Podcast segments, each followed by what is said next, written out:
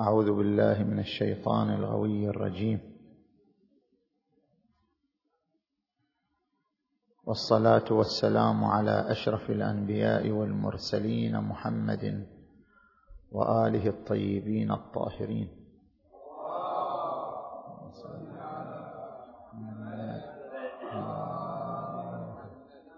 بسم الله الرحمن الرحيم. واعبد ربك حتى يأتيك اليقين. صدق الله العلي العظيم.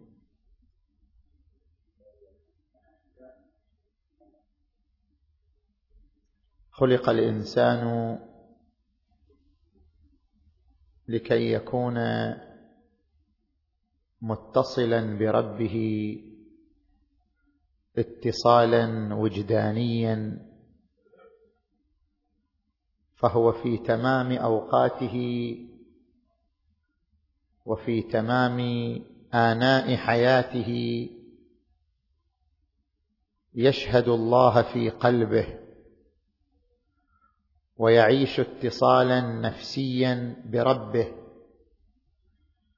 وهذا الاتصال النفسي هو المعبر عنه بالعبادة واعبد ربك أي اجعل بينك وبين ربك صلة نفسانية تستغرق أوقات حياتك وتستوعب عمرك حتى يأتيك اليقين.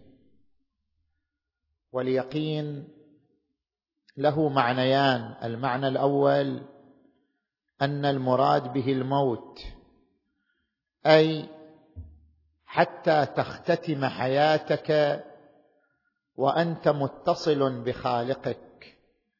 كما ورد في آية أخرى يا أيها الذين آمنوا اتقوا الله ولا تموتن إلا وأنتم مسلمون.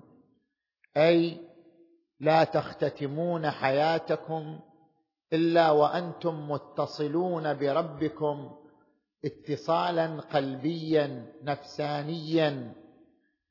والمعنى الثاني لليقين أن المراد به الوصول إلى درجة الشهود.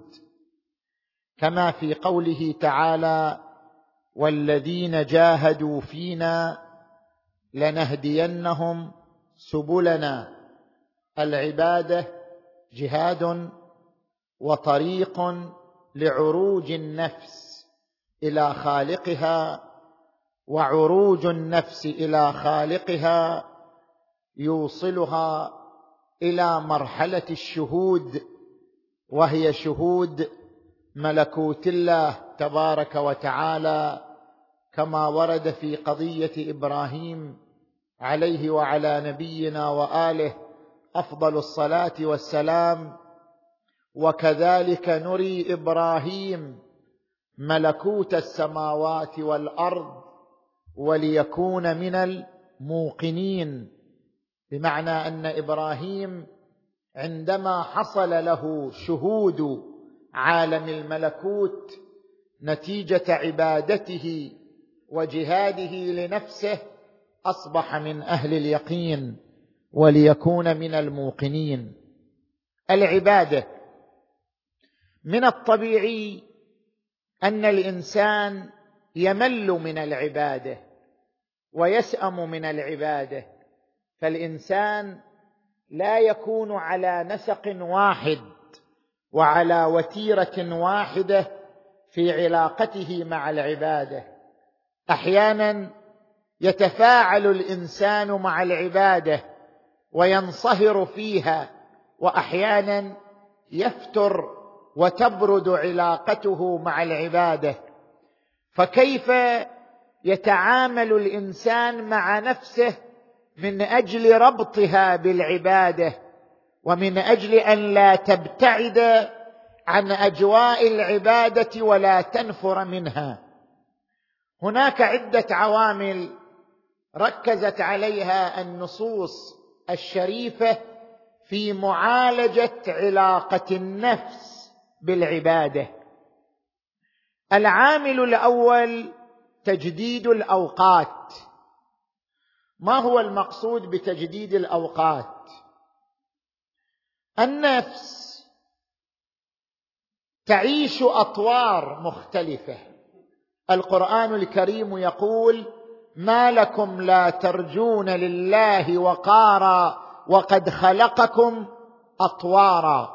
النفس بطبيعتها تعيش حركة تعيش تنقلا من طور إلى طور ومن حالة إلى حالة. تارة تكون النفس أمارة. وما أبرئ نفسي إن النفس لأمارة بالسوء إلا ما رحم ربي. وتارة تنقلب وتكون لوامة. لا أقسم بيوم القيامة ولا أقسم بالنفس اللوامة. وتارة تكون منظرة ومخططة وهي الآية التي عبرت عنها بأنها النفس المطمئنة. يا أيتها النفس المطمئنة ارجعي إلى ربك راضية مرضية. فالنفس لها حالات لها أطوار لها تقلبات. مختلفة. بما أن النفس تعيش أطوارا مختلفة وتقلبات مختلفة لذلك ترى أن الحكمة الإلهية اقتضت أن تعيش النفس في ظروف مختلفة أيضا. هذه الفصول التي تمر علينا الإنسان يمر عليه فصل الشتاء وفصل الربيع وفصل الصيف وفصل الخريف لماذا؟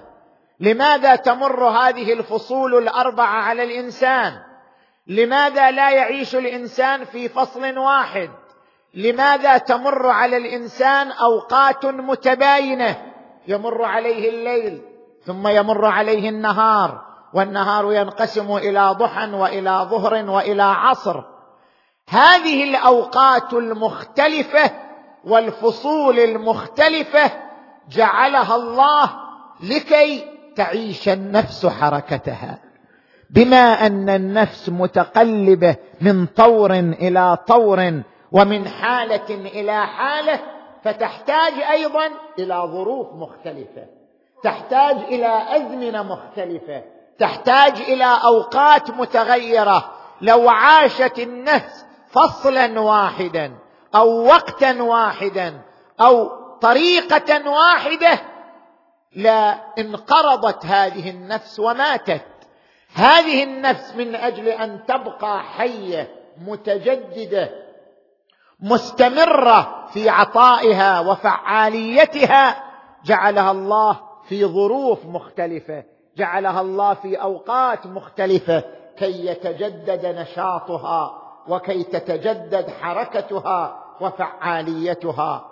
كما أن الله تعالى جعل للنفس ظروفا مختلفة فتنتقل من صيف إلى شتاء من ربيع إلى خريف من ليل إلى نهار من شباب إلى كهولة. وهكذا كي تبقى على فعاليتها ونشاطها.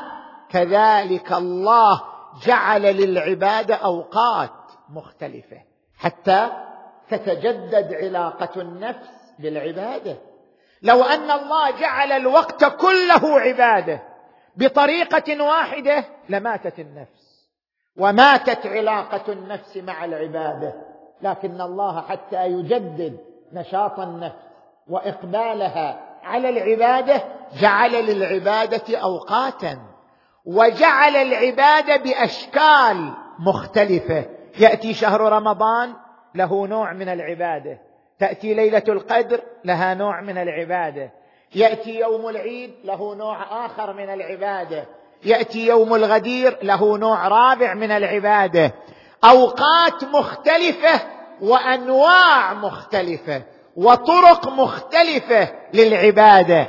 هذا التنويع في الأوقات والتنويع في الطرق إنما هو لمعالجة هذه النفس. ولكي تبقى النفس مقبلة متجددة متفاعلة مع العبادة التي خلقت لأجلها والتي هي الهدف من وجودها. إذا العامل الأول من عوامل تغيير وتجديد العلاقة مع العبادة اختيار الأوقات المختلفة. الإنسان يعبد الله هذا اليوم لأنه يوم جمعة بعبادة بنوع معين. يأتي يوم الاثنين يستحب فيه الصوم يعبد الله بنوع آخر وهو عبادة الصوم. يأتي شهر رمضان فيعبد الله بنوع ثالث. يأتي أيام الحج فيعبد الله بنوع رابع وهو العبادة المتمثلة في مناسك الحج. اذا اختيار الأوقات المختلفة عامل من عوامل نشاط النفس وتجديد علاقتها ورغبتها نحو العبادة. هذا هو العامل الأول. العامل الثاني من عوامل تجديد علاقة النفس مع العبادة المراوحة كما يعبر عنها علماء العرفان. المراوحة بمعنى أن الإنسان يراقب نفسه فإذا راقب نفسه يجد نفسه تارة معرضة وتارة مقبلة. إذا رأى النفس مقبلة فليستثمر الوقت فليستثمر الفرصة. إذا وجد نفسه راغبة مشتاقة مقبلة نحو العبادة فليستثمر هذه الفرصة فليستثمر هذا الوقت في أن يغرق النفس بالعبادة وبألوان العبادة حتى تتزود زادا وفيرا ينير لها قبرها وينير لها مضجعها ويفرش طريق آخرتها بالرغد والهناء. وإذا رأى النفس مدبرة ورأى النفس معرضة عن العبادة اقتصر على المقدار الواجب حتى لا تنفر النفس من العباده نفورا كليا حتى لا تعرض النفس عن العباده إعراضا تاما. وهذا ما ورد في الحديث الشريف عن الإمام أمير المؤمنين عليه السلام عن النبي محمد.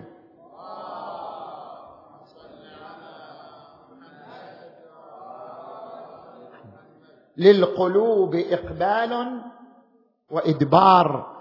فإذا أقبلت فاحملوها على الفرائض والنوافل وإذا أدبرت فاقتصروا بها على الفرائض. ما سمي القلب إلا من تقلبه. القلب أحيانا يفرح أحيانا يحزن أحيانا يحب أحيانا يبغض أحيانا يشتاق أحيانا ينفر. ما سمي القلب إلا من تقلبه. فاحذر من القلب من قلب وتحويل. فالقلب تحتاج تقلباته إلى مراقبة تحتاج تقلباته إلى معالجة. ليس من الحسن أن يسترسل الإنسان. إذا أقبل القلب لا يسأل عن إقباله ولا يستثمر الفرصة. وإذا أدبر القلب حمله فوق طاقته فإن هذا يؤدي إلى نفور النفس من العبادة. لا أقصد أنا أن يعرض الإنسان عن العبادة بالكلية. لا. بمعنى أن ينتقل من عبادة إلى عبادة أخرى. لاحظوا هذا الحديث الوارد عن الإمام الكاظم عليه السلام. كان الإمام الكاظم إذا اغتم ترك النافلة. وهو إمام معصوم.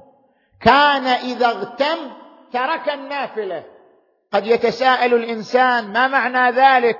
الأئمة معصومون. الأئمة قلوبهم متجهة نحو الله عز وجل. الأئمة في تمام أوقاتهم وآناتهم لا يرون إلا الله لا يشهدون إلا الله يعيشون حب الله متغلغلا نافذا في أعماقهم. فكيف يعرضون عن الله؟ كيف يقال عن الإمام؟ إذا اغتم ترك النافلة. الإمام الكاظم عليه السلام لم تقل الرواية بأن الإمام الكاظم إذا اغتم ترك العبادة. قالت ترك النافلة. يعني ترك عبادة واتجه لنوع آخر من العبادة. كان إذا اغتم ترك النافلة ولم تقل ترك العبادة. يعني يتجه من عبادة لعباده. إذا رأى نفسه غير مقبل على النافلة يوجه نفسه نحو عبادة أخرى. صلة الرحم عباده الصدقة عباده تعليم الناس الأحكام الشرعية والمعارف الدينية عباده. إماطة الأذى عن الطريق عباده. إذا رأى النفس معرضة عن نوع من العبادة سلك نوعا آخر من العبادة. اذا المراوحة هي عبارة عن مراقبة تقلبات النفس مراقبة تنقلات القلب. فالإنسان دائما في حال دراسة لنفسه في حال مراقبة ومساءلة لنفسه ليرى أين تتجه. تدبر عن ماذا وتعرض نحو ماذا؟ فإذا رآها معرضة عن نوع من العبادة وجهها لنوع آخر من العبادة كي يحفظ لهذه النفس توازن العلاقة والاتجاه والانصهار بالعبادة. نأتي إلى العامل الثالث من عوامل معالجة علاقة النفس مع العبادة. العامل الثالث من هذه العوامل أن الإنسان يختار الأنواع المختلفة لهذه العبادة في طريق علاقته مع الله تبارك وتعالى.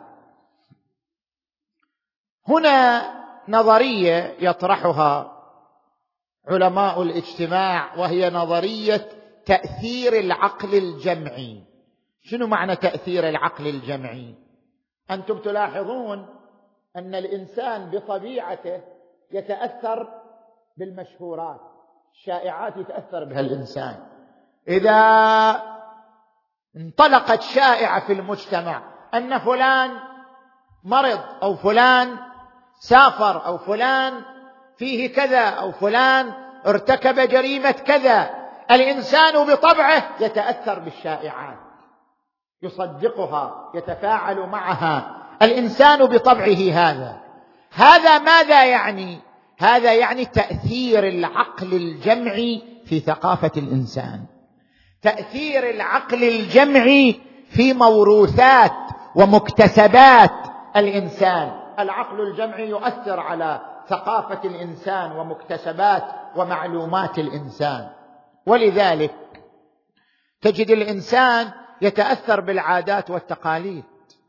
العادات قهارات.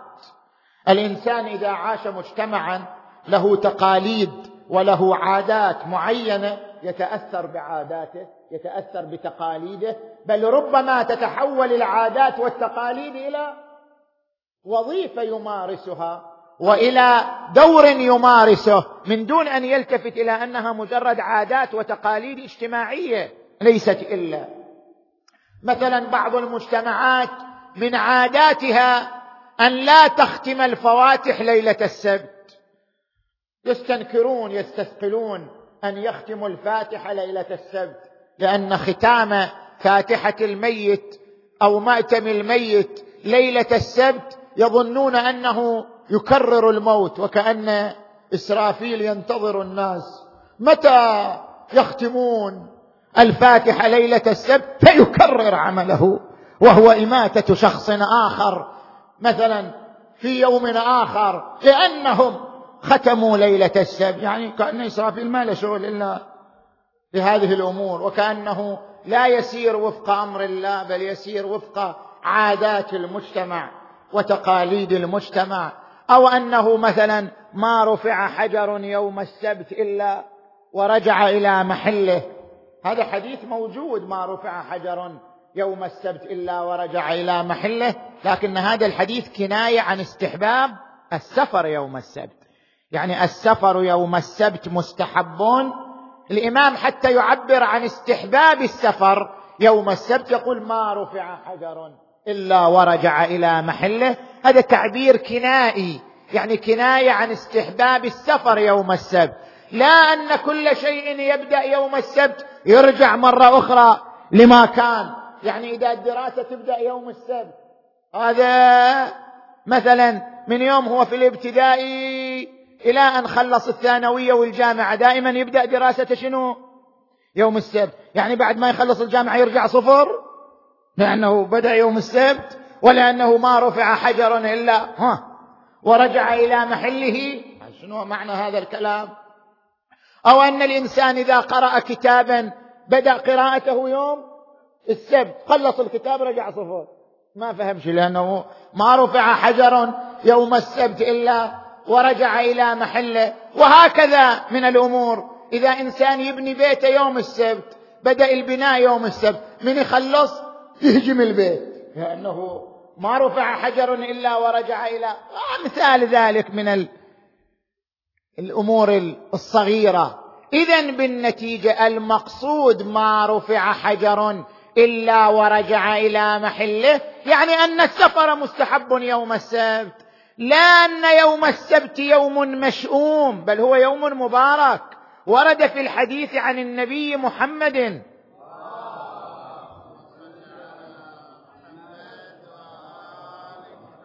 بورك في سبتها. وخميسها يوم السبت يوم مبارك لأنه يوم مشؤوم. فلذلك لا مانع من أن تبدأ به الأعمال أو تختتم به الأعمال. فإنما لتأثر الإنسان بالعقل الجمعي يعني بالعادات والتقاليد التي يعيش فيها لتأثر الإنسان بالعقل الجمعي. يعتقد أحيانا أن هذا العمل وظيفة وأنه قانون لا محيص عن الالتزام به مع أنه ناشئ عن العادات والتقاليد. تأثر الإنسان بالعادات والتقاليد معناه تأثير العقل الجمعي في ثقافة الإنسان تأثير العقل الجمعي حتى في صياغة شخصية الإنسان وفي صياغة معلومات الإنسان. لذلك يتأثر الإنسان بالشائعات. تأثير العقل الجمعي راجع إلى أن الإنسان يرى الكم دليلا على اليقين والحال بأن الكم ليس دليلا عن اليقين. إذا تراجع كتاب الأسس المنطقية للاستقراء للسيد الشهيد السعيد السيد محمد باقر الصدر قدس سره الشريف في كتابه الأسس المنطقية للاستقراء يذكر دليل حساب الاحتمالات الذي هو من أوضح الأدلة في الرياضيات ويذكر أن هناك عاملان عامل كمي وعامل كيفي. ليس العامل الكمي كافيا وحده في وصول الإنسان إلى اليقين. الإنسان يحتاج إلى عاملين عامل كمي وعامل كيفي. إذا اجتمعا وصل الإنسان إلى اليقين. أما مجرد العامل الكمي وحده لا يوصل الإنسان إلى اليقين. لو أنا مثلا أخبرني مئة شخص بأن فلانا ارتكب الجريمة الكذائية مجرد هذا العامل الكمي وهو أن المخبر مئة شخص ليس كافيا في أن أصل إلى اليقين. لا بد أن ألاحظ العامل الكيفي أيضا. ما هو العامل الكيفي؟ المئة شخص. إذا كانوا من أقوام مختلفة ومن طرق مختلفة ومن مصادر مختلفة حينئذ ينضم العامل الكمي إلى العامل الكيفي فيؤدي إلى الوصول إلى اليقين. أما لو كان المئة شخص كلهم من عائلة واحدة بحيث يتأثر الواحد منهم بالآخر إخبار مئة شخص من عائلة واحدة بأن فلانا ارتكب جريمة معينة لا يؤدي إلى اليقين. إذ لعل هؤلاء المئة شخص تواطؤوا على الكذب لعلهم اتفقوا على الكذب لعلهم اتفقوا على الزور والبهتان. إذا مجرد العامل الكمي لا يكفي وحده في الوصول إلى اليقين. لا بد من انضمام عامل كيفي. وهو أن تكون المئة شخص من طرق مختلفة من مصادر مختلفة حتى تؤدي إلى الوصول إلى اليقين. لذلك تجد أن القرآن الكريم يذم الاعتماد على العامل الكمي وحده. ماذا يقول القرآن؟ وما أكثر الناس ولو حرصت بمؤمنين. أنت لا تهتم بالكثرة. لا تعتمد على العامل الكمي فقط. شوف والله أكثر الناس مو مؤمنين. اذا أنا أصير مو مؤمن. أغلب الناس أغلب الناس يس يا مثلا يأتون بالفرق الموسيقية اللهوية في أيام الأعراس. اذا أنا مع الناس. أغلب الناس مثلا يجعلون أعراسهم في الفنادق ويمارسون بعض الأعمال المحرمة. اذا نحن مع الناس. لا. العامل الكمي ليس دليلا على الصواب ليس دليلا على الحقيقة. وما أكثر وما أكثر الناس ولو حرصت بمؤمنين وإن تطع أكثر من في الأرض يضلوك عن سبيل الله.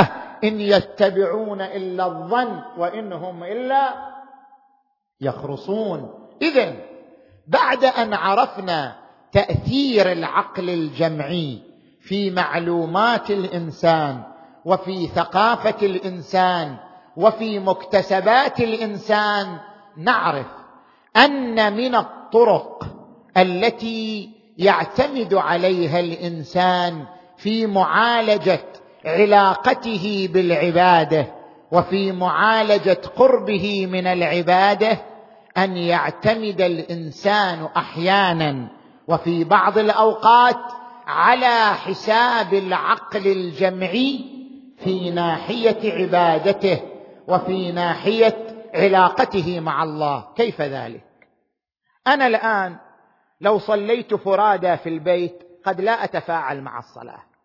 ولكن إذا حضرت المسجد ورأيت الأجواء الروحية من خلال المسجد ورأيت غيري يعبد الله ويبكي ويبتهل إلى الله ويتضرع هذا العقل الجمعي يشكل لي دافعا نحو العبادة. أحيانا أنا أعبد الله بتأثير العقل الجمعي. العقل الجمعي من خلال المسجد. المسجد يشكل عقلا جمعيا ودافعا داخليا نحو ممارسة العبادة. الدعاء لو قرأت الدعاء وحدي قد لا أتفاعل مع الدعاء.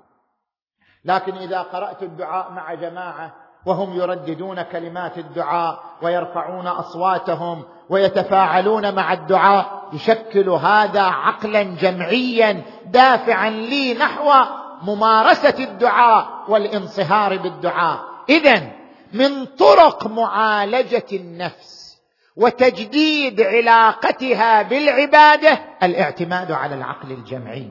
فإن العقل الجمعي مؤثر في بعض الأحيان في دفع الإنسان نحو العبادة وفي انطلاق الإنسان نحو العبادة. لذلك جاءت النصوص المتضافرة الدالة على استحباب صلاة الجماعة وأن صلاة الجماعة تفضل صلاة المفرد بسبع وعشرين درجة وأن الجماعة إذا زاد إذا زاد عددهم عن عشرة فلا يحصي ثوابها إلا الله وأنه إذا قبلت صلاة أحد الجماعة لنفترض الجماعة عشرة عشرين خمسين مئة إذا واحد منهم من المأمومين تقبل صلاته تقبل صلاة الجميع بقبول صلاة أحد المأمومين.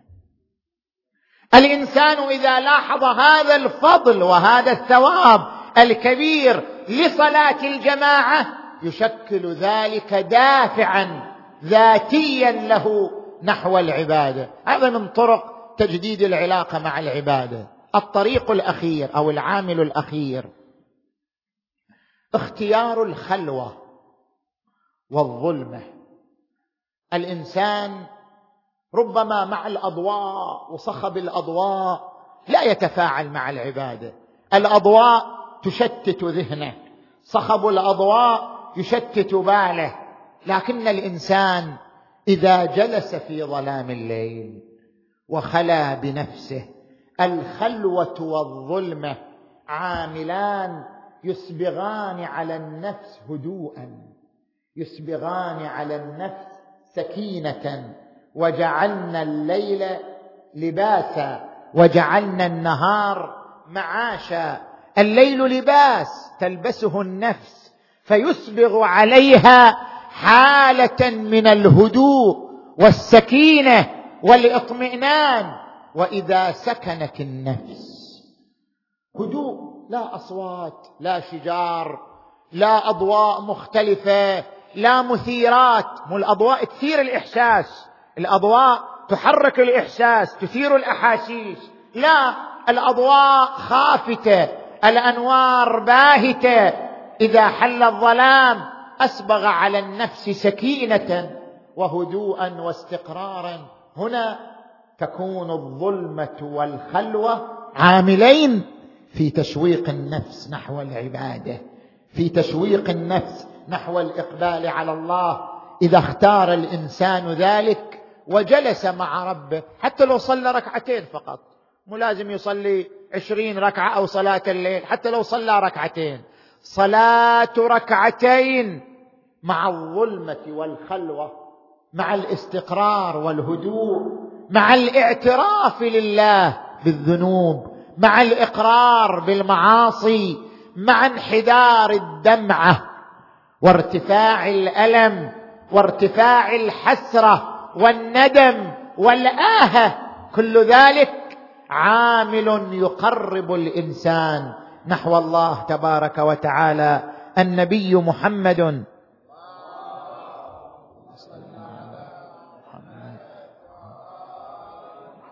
يقول يا أبا ذر ركعتان بتفهم خير من ألف ركعة والقلب لاهي.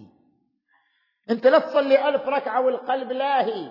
صلي ركعتين بخشوع بدمعة باعتراف بالذنب.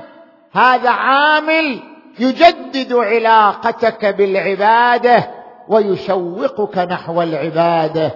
والقرب من الله تبارك وتعالى.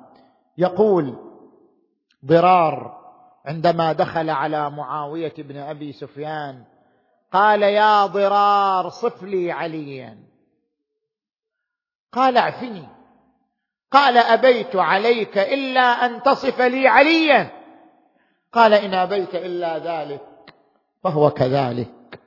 كان والله بعيد المدى شديد القوى يقول عدلا ويحكم فصلا. كان والله كثير الدمعه طويل الفكرة يحاسب نفسه إذا خلا. ويقلب كفيه على ما مضى. كان يستأنس بالليل ووحشته ويستوحش الدنيا وزهرتها. كان يعظم أهل الدين ويتحبب إلى المساكين. يعجبه من اللباس ما خشن ومن الطعام ما جشب.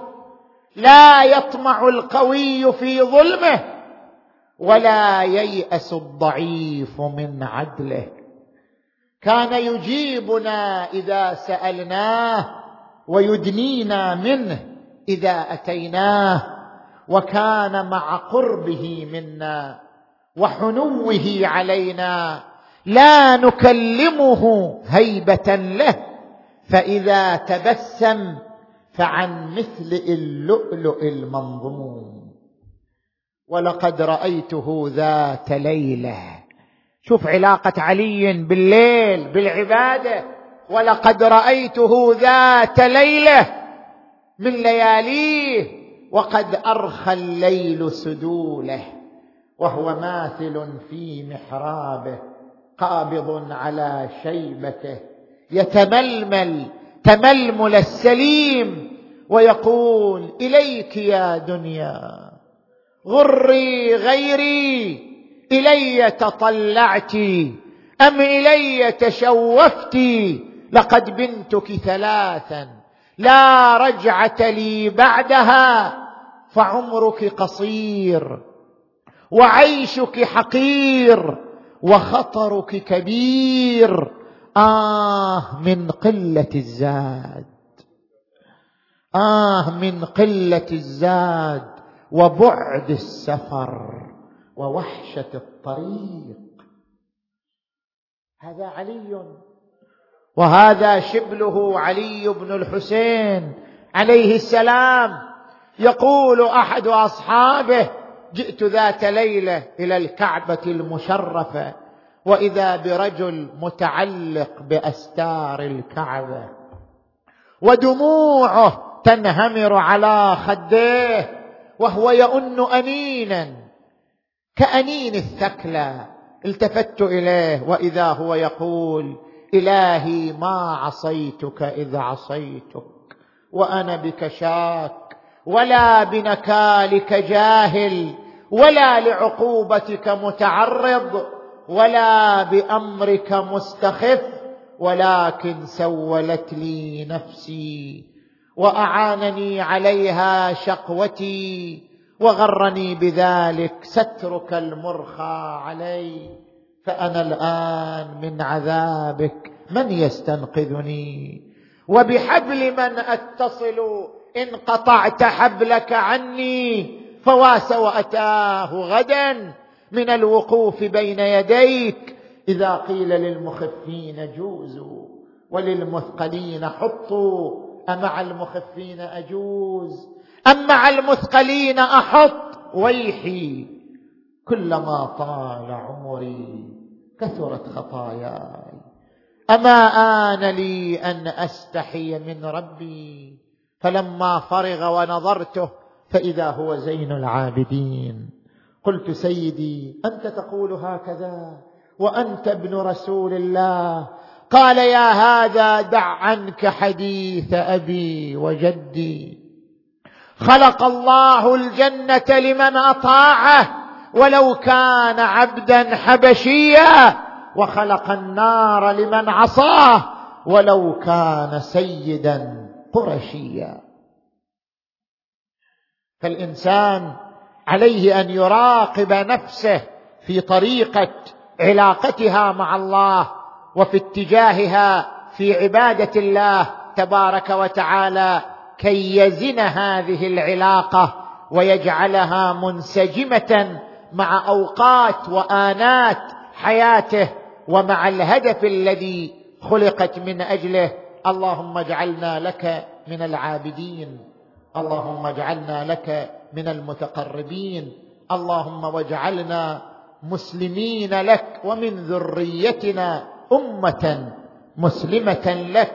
اللهم اغفر ذنوبنا واستر عيوبنا وكفر عنا سيئاتنا وتوفنا مع الأبرار. اللهم اشف مرضانا ومرضى المؤمنين والمؤمنات واقض حوائجنا وحوائجهم وفرج عن جميع المؤمنين والمؤمنات في كل مكان خصوصا إخواننا في العراق. يا رب العالمين اللهم صل على محمد وآل محمد. اللهم كن لوليك الحجة بن الحسن. صلواتك عليه وعلى آبائه في هذه الساعة وفي كل ساعة. وليا وحافظا وقائدا وناصرا ودليلا وعينا حتى تسكنه أرضك طوعا وتمتعه فيها طويلا.